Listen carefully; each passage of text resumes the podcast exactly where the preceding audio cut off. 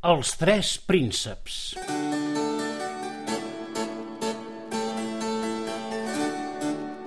Hi havia una vegada tres prínceps joves i bonics que els havia arribat l'hora de casar-se i regnar al seu país. Un d'ells era de pell blanca, l'altre era de pell negra i el tercer de pell groga. Cada un d'ells vivia en un planeta diferent, a tres galàxies diferents, de tres universos diferents. Els tres eren fills de reis poderosíssims que governaven amb saviesa, però que els havia arribat l'hora de deixar el tro als seus fills, i no pas perquè fossin vells o els manqués la força o la saviesa per regnar. La tradició d'aquells tres planetes dictava que quan al firmament apareixia la llum blavosa de Sirius, primera estrella de la constel·lació del Ca Major, era el senyal perquè els prínceps partissin a cercar una esposa per regnar plegats els seus reialmes. I així és que el príncep blanc, el príncep negre i el príncep groc es van guarnir amb els seus millors vestits, la més llampant de les seves armadures i el millor cavall alat de les seves reials cavallerisses. I després de ser allisonats pel gran Consell de Parells, es disposaren a partir. El Gran Consell de Parells era una assemblea d'homes i dones que discutien i aconsellaven sobre totes les coses del planeta, però amb una peculiaritat, i era que totes les qüestions es debatien per parelles, és a dir, que sempre calia que com a mínim dues persones es posessin d'acord abans de parlar en públic.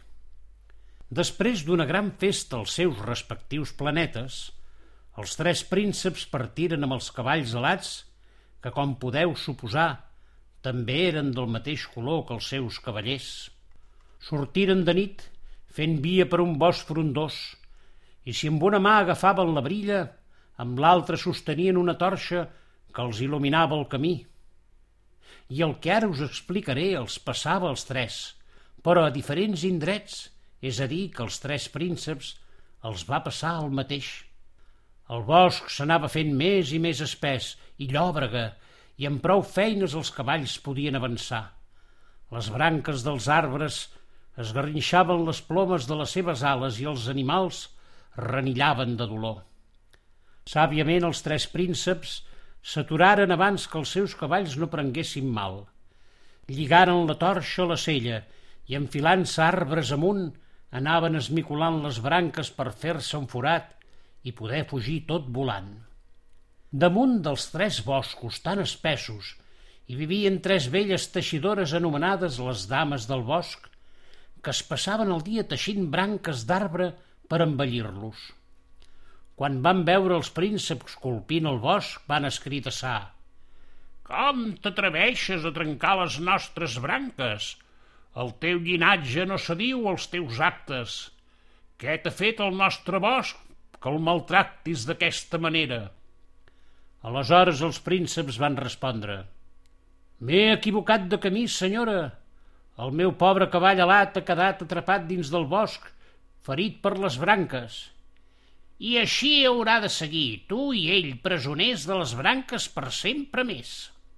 Les dames del bosc estaven molt enrabiades, però els prínceps eren joves i arrogants, perquè s'havien passat la seva curta vida dins del palau i es pensaven que tot allò que hi havia als seus planetes era ben seu i que tots els que hi vivien eren súbdits i, per tant, podien manar-los. No sabeu amb qui esteu parlant, digueren els prínceps. Sóc el príncep fill del rei d'aquest planeta. Coneixem prou bé el teu pare i abans que ell vam conèixer el teu avi i el teu besavi, el teu besavi ens va regalar aquest bosc, el teu avi les agulles per teixir branques i el teu pare aquesta cadira per seure i fer la feina més planera. Tu, en canvi, ens regales destrucció.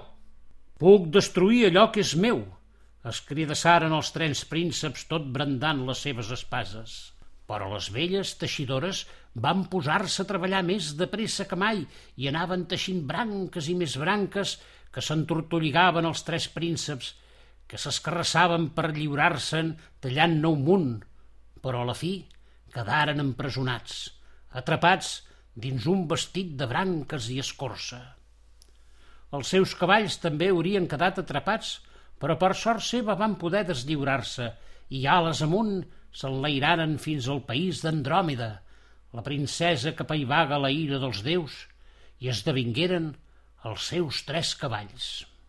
Acabada la feina, les dames del bosc plegaren els estris i tot agafant les cadires s'endinsaren en la boscúria fins a fer-se fonedisses, sense adonar-se que des de la nebulosa la princesa Sirius havia observat la ferrissada lluita dels tres prínceps. I com que tenia el cor molt gran i bondadós, es va compadir d'ells. Aleshores va agafar un manyoc dels seus cabells i va dir «Cabells daurats, treneu tres cordes, treneu tres cordes. Cabells daurats, treneu tres cordes pels malaurats». A l'instant els cabells estrenaren els uns amb els altres i en sortiren tres cordes tan llargues que arribaren als tres planetes on els prínceps estaven captius. Agafeu-vos de les cordes, cavallers, va dir la princesa Sirius, que jo us deslliuraré. Havent dit aquestes paraules, els cabells de la princesa Sirius tibaren dels cavallers tan fort que els seus cossos es deslliuraren de les branques, més no les seves armadures i tot allò que els feia semblar més forts i poderosos, que quedaren atrapades entre les branques. Quan van arribar a la nebulosa i es trobaren davant per davant els tres prínceps, s'estranyaren de descobrir que hi hagués altres éssers humans amb la pell de diferent color a la seva. Però el que més els va meravellar fou la bellesa de la princesa Sirius. Tan bella era que els tres es van enamorar de seguida i li demanaren per casar-se. «Vull que siguis la meva esposa», van dir tots tres alhora. «No puc ser l'esposa de tots tres», com no sigui que em trenqueu en tres trossos, va respondre la princesa, i tot seguit afegir, ho seré d'aquell que em respongui bé a tres preguntes. Tots tres prínceps van acceptar, però no es posaven d'acord qui havia de ser el primer a respondre. No patiu, va dir de nou la princesa. Em respondreu alhora perquè les preguntes són molt senzilles i cal que les respongueu sense pensar-hi massa. Quines són aquestes preguntes? digueren els cavallers. Escolteu. Quin és el planeta més bonic de l'univers? El blanc, va dir el príncep blanc. El negre, va dir el príncep negre. El groc, va dir el príncep groc. I quins són els homes més forts de l'univers? Els blancs, va dir el príncep blanc. Els negres, va dir el príncep negre. Els grocs, va dir el príncep groc. I la darrera pregunta, digué la princesa. Quins són els homes més savis de l'univers? El blanc digué que els homes blancs, el negre que els homes negres i el groc que els homes grocs. Els tres heu encertat les respostes i, per tant, us estimaré a tots tres. Després us enviaré als vostres planetes i, passat un any, tornareu. Aleshores, jo ja hauré decidit amb qui de vosaltres m'hauré de casar. I aquella nit la princesa Sirius va estimar els tres prínceps i en acabat els va regalar tres carrosses tibades per estels perquè poguessin tornar als seus planetes.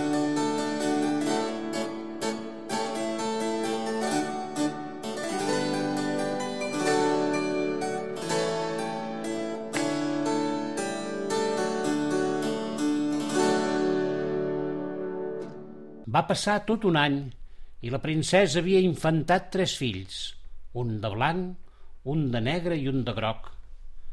A la nebulosa de Sírius tot eren preparatius per una gran festa. Els carrers i les places s'havien guarnit amb garlandes de flors i catifes de pètals per donar la benvinguda als tres prínceps de retorn dels seus planetes. Dalt de la torre més alta del castell, un herald mirava amb impaciència el firmament cercant la llum dels estels tibant de les tres carrosses. Com que era de nit, petites lluernes il·luminaven la ciutat i el foc groc i vermell de les torxes omplia de llum els grans salons de palau. A la fi sonaren les trompetes. Un vent suau va fer voleiar estandards i banderes i allà, lluny encara, però ben visibles, aparegueren les tres carrosses venint de tres llocs diferents i seguint els camins daurats que tracen els cometes en els seus llargs viatges per l'univers. Per tot es pategaven focs d'artifici, seguint els ritmes solemnes d'una sinfonia composada especialment pel gran musicàrum, en honor als tres visitants. En arribar a Palau, la princesa Sirius els esperava i tots tingueren gran alegria de retrobar-se. Tot eren abraçades i petons, com si fossin vells amics que es retrobaven després de molt de temps. L'aspecte dels tres prínceps no era pas com el de feia un any.